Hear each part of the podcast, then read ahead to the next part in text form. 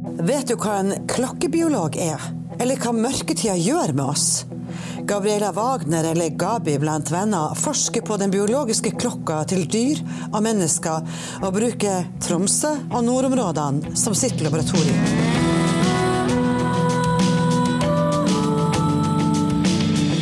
Observatoriet. En forskningspodkast fra UiT Norges arktiske universitet. Med Geir Hevnskjell Ringvold, mannen som lurer på det meste, og Marit Anne Hauan, som bokstavelig talt lever av fortellinger. Og en ny, spennende forsker hver uke.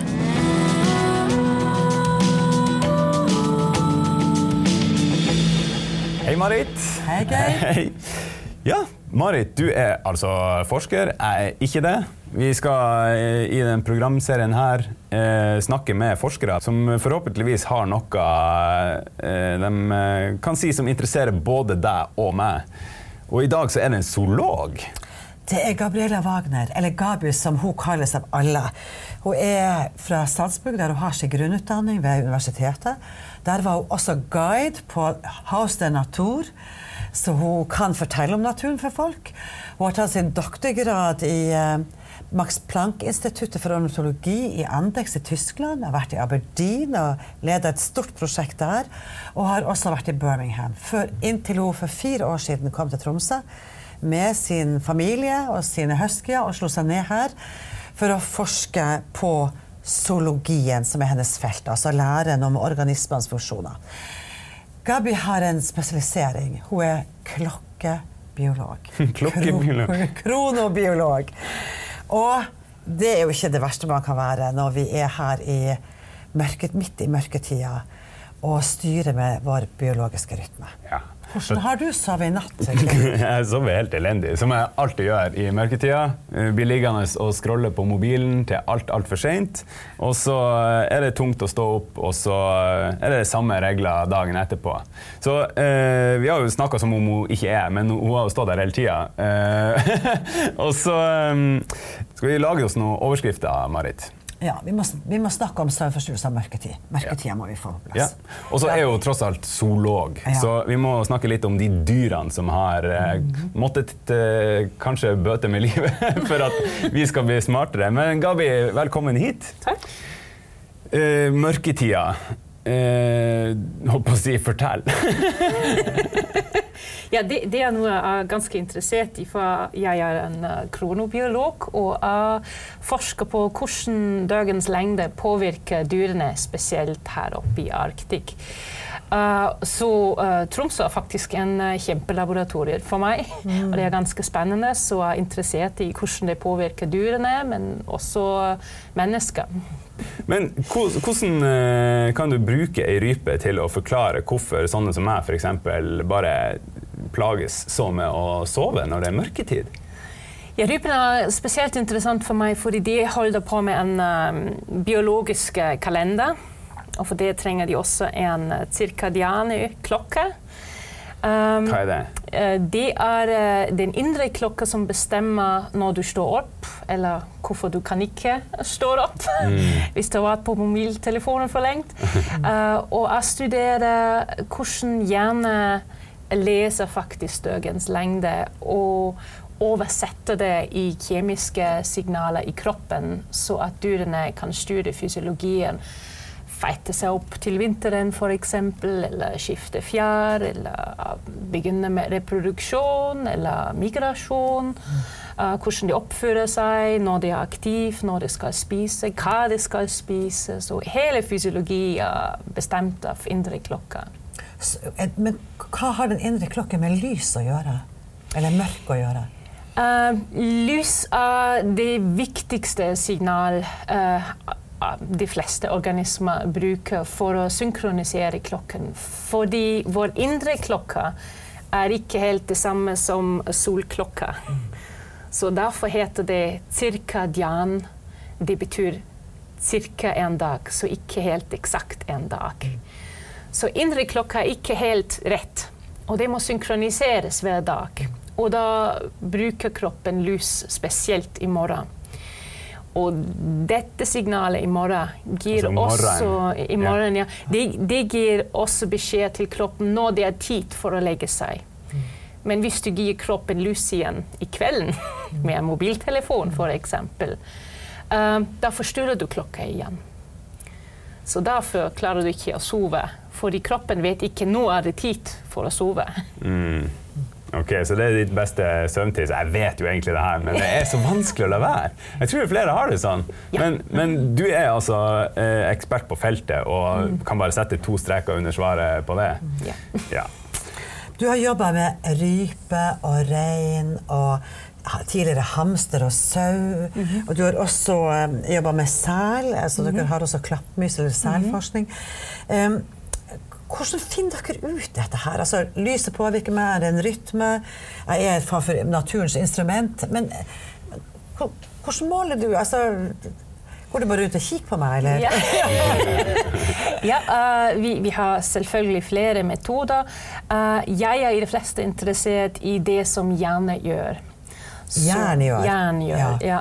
Så uh, vi har dyr i forskjellige lysforhold.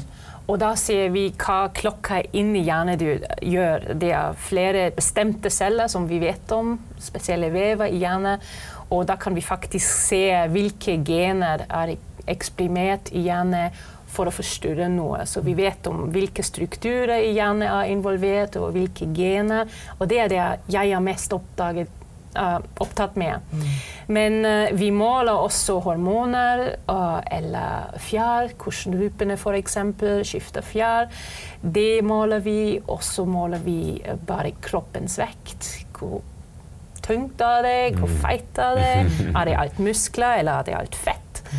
Um, og vi eh, måler også aktivitet, så det kan du måle med noe sånn som en Fitbit, eller vi bruker noe som kalles ActiWatch. Um, og hvis vi måler det på dyrene, har vi litt, litt andre instrumenter, så de, de har ikke så en bra hand for det. Har du- Fins det Fitbit for rype? ja. Men eh, det er jo, jeg syns det der er interessant. Altså, at det, det er jo ikke tvil om at dyr har veldig sånn sesongavhengig eh, måte å se ut på. Og, altså at F.eks.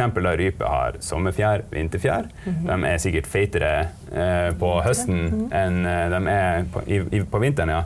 Eh, og for oss mennesker så er det kanskje bare juletida hvor vi legger på oss litt, og så har vi ellers ikke de her kjennetegnene som det dyrene har. Eh, ikke sterkt. Det er nesten ikke å merke. Så jeg tror i evolusjonen har vi bare glemt å være sesonal. Men eh, strukturene for å være sesonal er fortsatt her i hjernen. Og Så våre forfedre har en gang eh, f.eks. hatt vinterpels. Ja.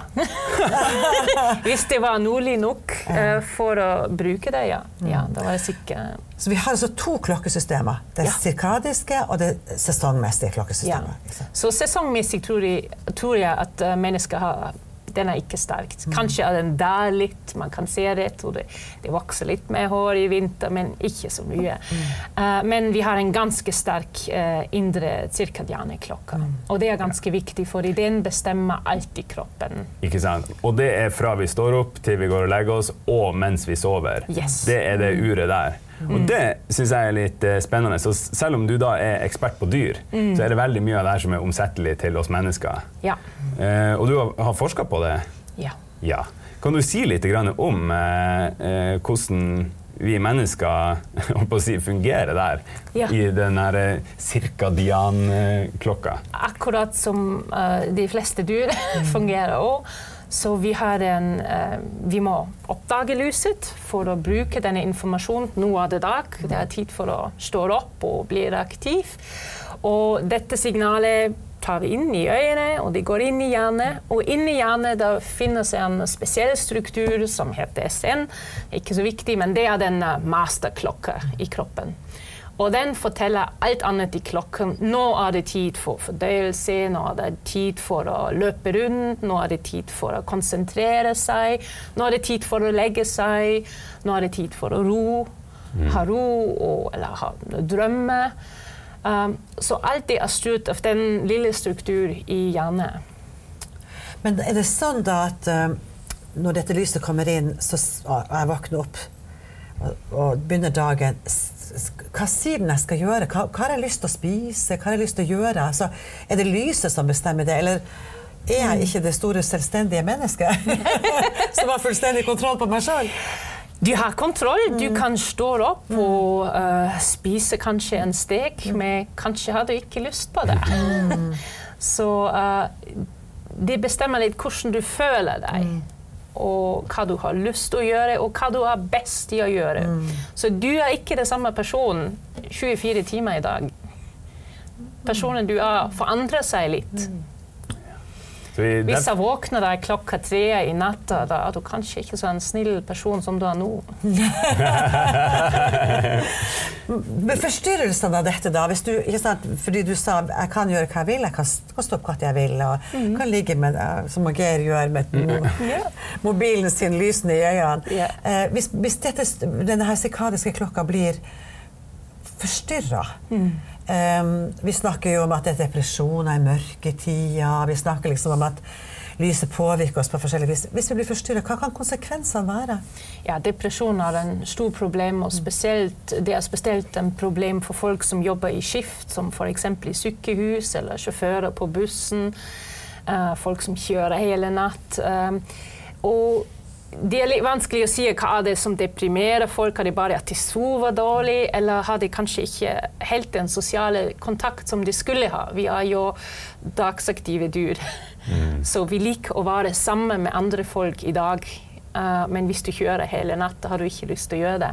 Så det kan påvirke òg at man føler seg ikke bra, og at man føler seg deprimert. Men ikke sove godt. Det er deprimerende.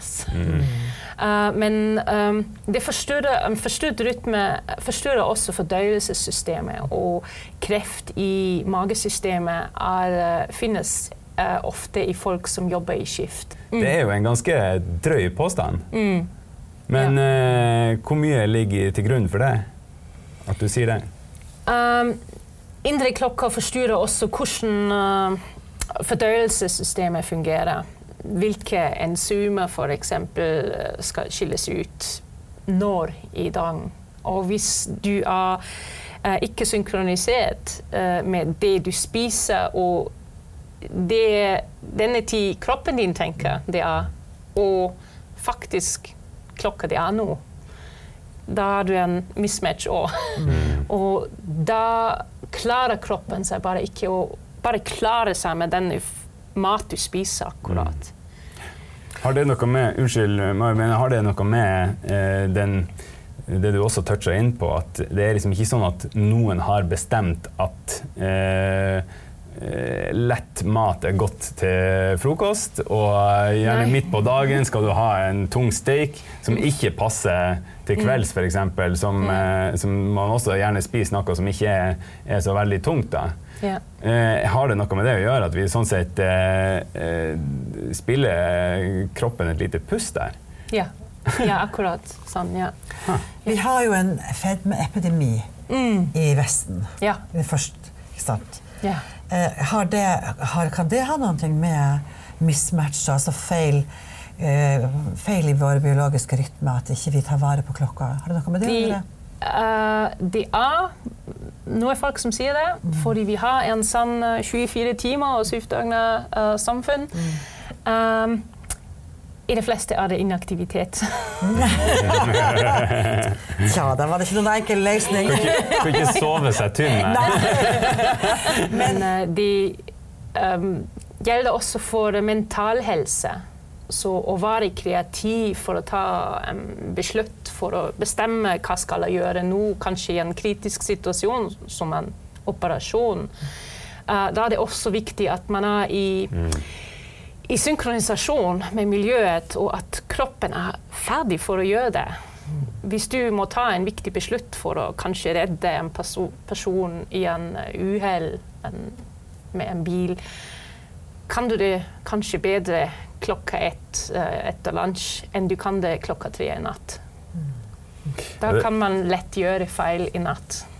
Jeg er blant dem som føler at det fungerer nesten bedre eh, etter klokka ti på kvelden. Mm. Og jeg har liksom det som min primetime. Jeg liker Ja. den tida veldig Ja. godt. Og det var noen som sa til meg eh, for litt siden at eh, ja, det er liksom det her med A- og B-mennesker. Eh, altså det, det er trolig noe som har sitt utspring fra steinaldertida, hvor vi var huleboere, Ja. og var avhengig av at noen alltid satt og passa bålet og vokta ja. leiren for inntrengere. Ja. Er det noe i det? Ja, det tror jeg. Uh, det er jo ikke en riktig eller en feil. Jeg sier ikke du må stå opp klokka seks hver dag nå. Du kan stå opp klokka ti hvis det er det du føler deg bra med. Eh, og det er mange folk, eh, spesielt kreative folk, mange ja, som holder på med kreative kunst, som er spesielt aktiv i natt. Uh, så det er ikke riktig eller feil, det er bare å finne ut når du fungerer best for det du vil gjøre. Og det er i, i alle populasjoner, for dyr og mennesker, viktig at ikke alle gjør det samme. Det er noe som fungerer bedre i natt, og noe som fungerer bedre i morgen. Kanskje man får deg til å skrive en attest til arbeidsgiver på at jeg må forskyve hele arbeidsdagen? Ja, faktisk det er i, i flere land er det um, organisa organisasjoner som uh, vil at det finnes, at man kan si at det fungerer bare ikke før klokka ti i morgen. Kan han være så snill jobbe senere? Så det er mange folk som jobber med det, og finner ut hvis, hvis vi kan kanskje klare det, at alle aksepterer at ikke alle folk føler seg bra klokka seks i morgen. Det er, det er mange ting vi kan ja, det er fantastisk. Helt, det her er jo helsemessige ting. Du kunne jo hatt en kjempegevinst på at du fikk Ja, eh, virkelig. Spesielt interessant i barn også. Eh, så det er mange folk som tror at eh, det, det er ikke så en stort problem her, fordi skolen begynner halv, halv ni her. Det, det er en ganske god tid. Eh, men eh, mange barn eh, i Tyskland f.eks. går til skolen tidligere, og mange klarer seg ikke bra. Og hvis du bare skifter time litt, eh, skolebegynnelse for en time, fungerer denne barn mye bedre, lærer lettere og føler seg bedre. Så det er også folk som vil at vi begynner skolen litt senere. Men alt dette her som du nå kan gi oss råd på å fortelle, det har du altså lært av forskning på dyr. Sant? Det er dine dyr som har, eh, som har lært deg det. Du har eh, undersøkt dem, tatt prøver av dem. Du har eh, går, det, går det noen dyr i den forskninga? Må du, må du hvordan, hvordan, hva gjør du med de dyrene? Altså, må du, tar du bare en blodprøve av dem, eller må du ta livet av dem for å få disse svarene? For det er flere eksperimenter hvor vi må ta livet av dyrene. Ja, men uh, hvis vi snakker f.eks. om rupene, da gjør nordmenn det hele tida. og jeg bruker faktisk mange av denne rupene for forskningen min også. Den som, som er jakt, jeger, ja, som jaktrupene. Ja. Men vi har også eksperiment når vi dreper dyr. Med de fleste prøver vi selvfølgelig ikke gjør det, så vi jobber mye med blodprøver. Og vi jobber med malinger mens dyrene lever, så maler hva de gjør.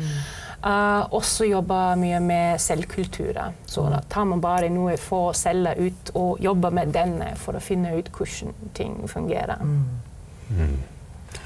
Og eh, jeg så et bilde på nett av eh, to ryper. Hvor den ene hadde på seg vinterdrakt, og ved siden av så var det eh, helt identisk rype, men i sommerdrakt. Ja. Og det er noe dere også har eh, brukt som Ja. eh, forsøk. Så derfor har vi helt spesielle rom i um, forskningsgrupper som man kan eh, styre på lyset og temperatur. Så vi kan holde på samme tid vinterrypene og sommerrypene for å sammenligne dem. For å se atferden deres, er det atferd dere da studerer? Ja. Jeg studerer eh, mer fysiologien, så jeg studerer hva det celler gjør, og hvilke gener er eksprimert, hvilke proteiner bruker denne dyrene. Men jeg måler også atferd. Så når er de aktivt, når spiser det, når de er aktive f.eks., når de skifter fjær. Altså det, er jo, Geir, det, er jo nesten, det er jo nesten klimaendringsproblematikk, det her. Altså De bare forandrer lyset og styrer med hva, hva med denne klimaendringa som vi nå erfarer? 70% av isen er smelta, det er mye varmere og villere og våtere og alt dette. Har, har det noe Ja, innflytelse på det er en stor problem, fordi dyrene som lever på verden nå, de um, er tilpasset at når det er denne døgens lengde, da skal vi skifte fjær eller feite oss opp eller begynne å reprodusere. Men hvis klimaet forandrer seg, passer det dyrene gjør, ikke lenger sammen med det som luslengde sier denne. Det må du gjøre nå. Og det er det vi kaller en, uh, en timing mismatch. Så dyrene kan bare skifte fjær eller klekke på en spesiell døgens lengde.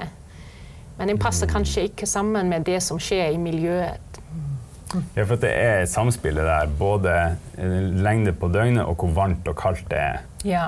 Ja, og så, så finner du ut at det er noe sånn sammenheng hvor det ene starter og det andre slutter? eller? Ja, det er mange uh, data som vi finner i økologi, at det, det er masse timing mismatches nå. Mm. Så det føres til problemer for populasjoner, så mange populasjoner skal bare forsvinne. Gabi, du flytta hit, og du kaller dette området for et forsknings, altså nordområdene som ditt forskningslaboratorie. Enn du sjøl, eh, er du sjøl eh, mål for din egen forskning? Ja. ja. På hvilken måte? Så når jeg kommer hit, uh, vil jeg bare føle hvordan det er med mørketid. Så jeg har aldri opplevd det før. Så første ting jeg gjorde, var å sette en ActiWatch. De, de, fungerer litt som en Fitbit. Uh, på meg sjøl og mine barn og mine katter. Uh, bare for å se hva skjer. Forandrer vi aktiviteter? Uh, og det var klart at mørketida påvirker oss ganske sterkt. Så vi sover lenge, vi er mer sliten i døgnet. Det kan det, det som er litt merkelig og kontraintuitivt, at selv om man føler seg sliten, er det faktisk vanskelig å finne søvn. Mm. Så det, det, fant jeg ganske merkelig. Uh, og, og, det er bare fordi uh, indre klokka trenger en uh, synkronisasjonslus i morgen for å si at nå er det dag. Mm -hmm. Og det mangler i mørketida. Og da får kroppen ikke helt i kvelden nå det er tid for å legge seg. Uh, så i den andre året jeg har vært her, har jeg begynt å bruke kunstig lys uh, for å våkne meg opp i morgen, og da er jeg ikke lenger sliten i mørketida. Dagens anbefaling er sånn uh, dagslyslampe. Ja. ja. Men du øh, jobber altså med dyr, med mørketid, søvnmønstre, den indre klokka. Hvordan endte du opp der? Hvor starta det med lille Gabi som øh, lurte på hva hun skulle bli når hun blir stor? Um, det er vanskelig å si. Det, uh, jeg tror det er alltid folk som inspirerer oss mens vi studerer, som gjør noe. Jeg tenker at de er egentlig ganske artig. Jeg vil gjerne vite hvordan det fungerer. Og jeg har alltid vært interessert i det meste i hvordan hjernen fungerer. Det vil jeg alltid vite. Og uh, indre klokka er så interessant fordi det påvirker hele fysiologi, hele kroppen påvirket av eh, indre klokke. Så nå kan jeg gjøre alt. Jeg kan jobbe med dyr og med mennesker, og jeg kan jobbe med hormoner eller gener eller celler eller atferd. Det er det som eh, ja, er det artigste for meg. Det var ikke sånn at du bare en dag slet med å sove, og så tenkte du nei, dæken også, nå skal jeg komme til bunns i det her. Men uh, Gabi, du har jo utgitt uh, mye av det vi har snakka om nå. Eh, i litt eh, mer omfattende former, da, i artikler og sånt. Mm. hvor finner man det henne? Uh, det er uh, deler denne på universitetets hjemmeside. Eller vi, har vi Universitetet i Tromsø. Universitetet i Tromsø, yeah. ja. Og så har vi en Facebook-side, um, Arctic Chronobiology and Physiology, så du kan finne ut på det der. Så da legger vi alt ut vi finner ut. Ja. Og hvis man eh, sliter med hvor man skal starte, så kanskje med artikkelen 'Clocks, sex and death in the Arctic'. jeg syns det er en veldig, veldig god tittel på en artikkel. Ja, Tusen takk skal du ha for at du eh, hadde lyst til å stille opp på det her. Og så eh, gleder jeg meg til å lese mer. Ja, flott. Tusen og vi Marit, er tilbake med en ny forsker neste gang. Fortsatt i mørketida. Ja.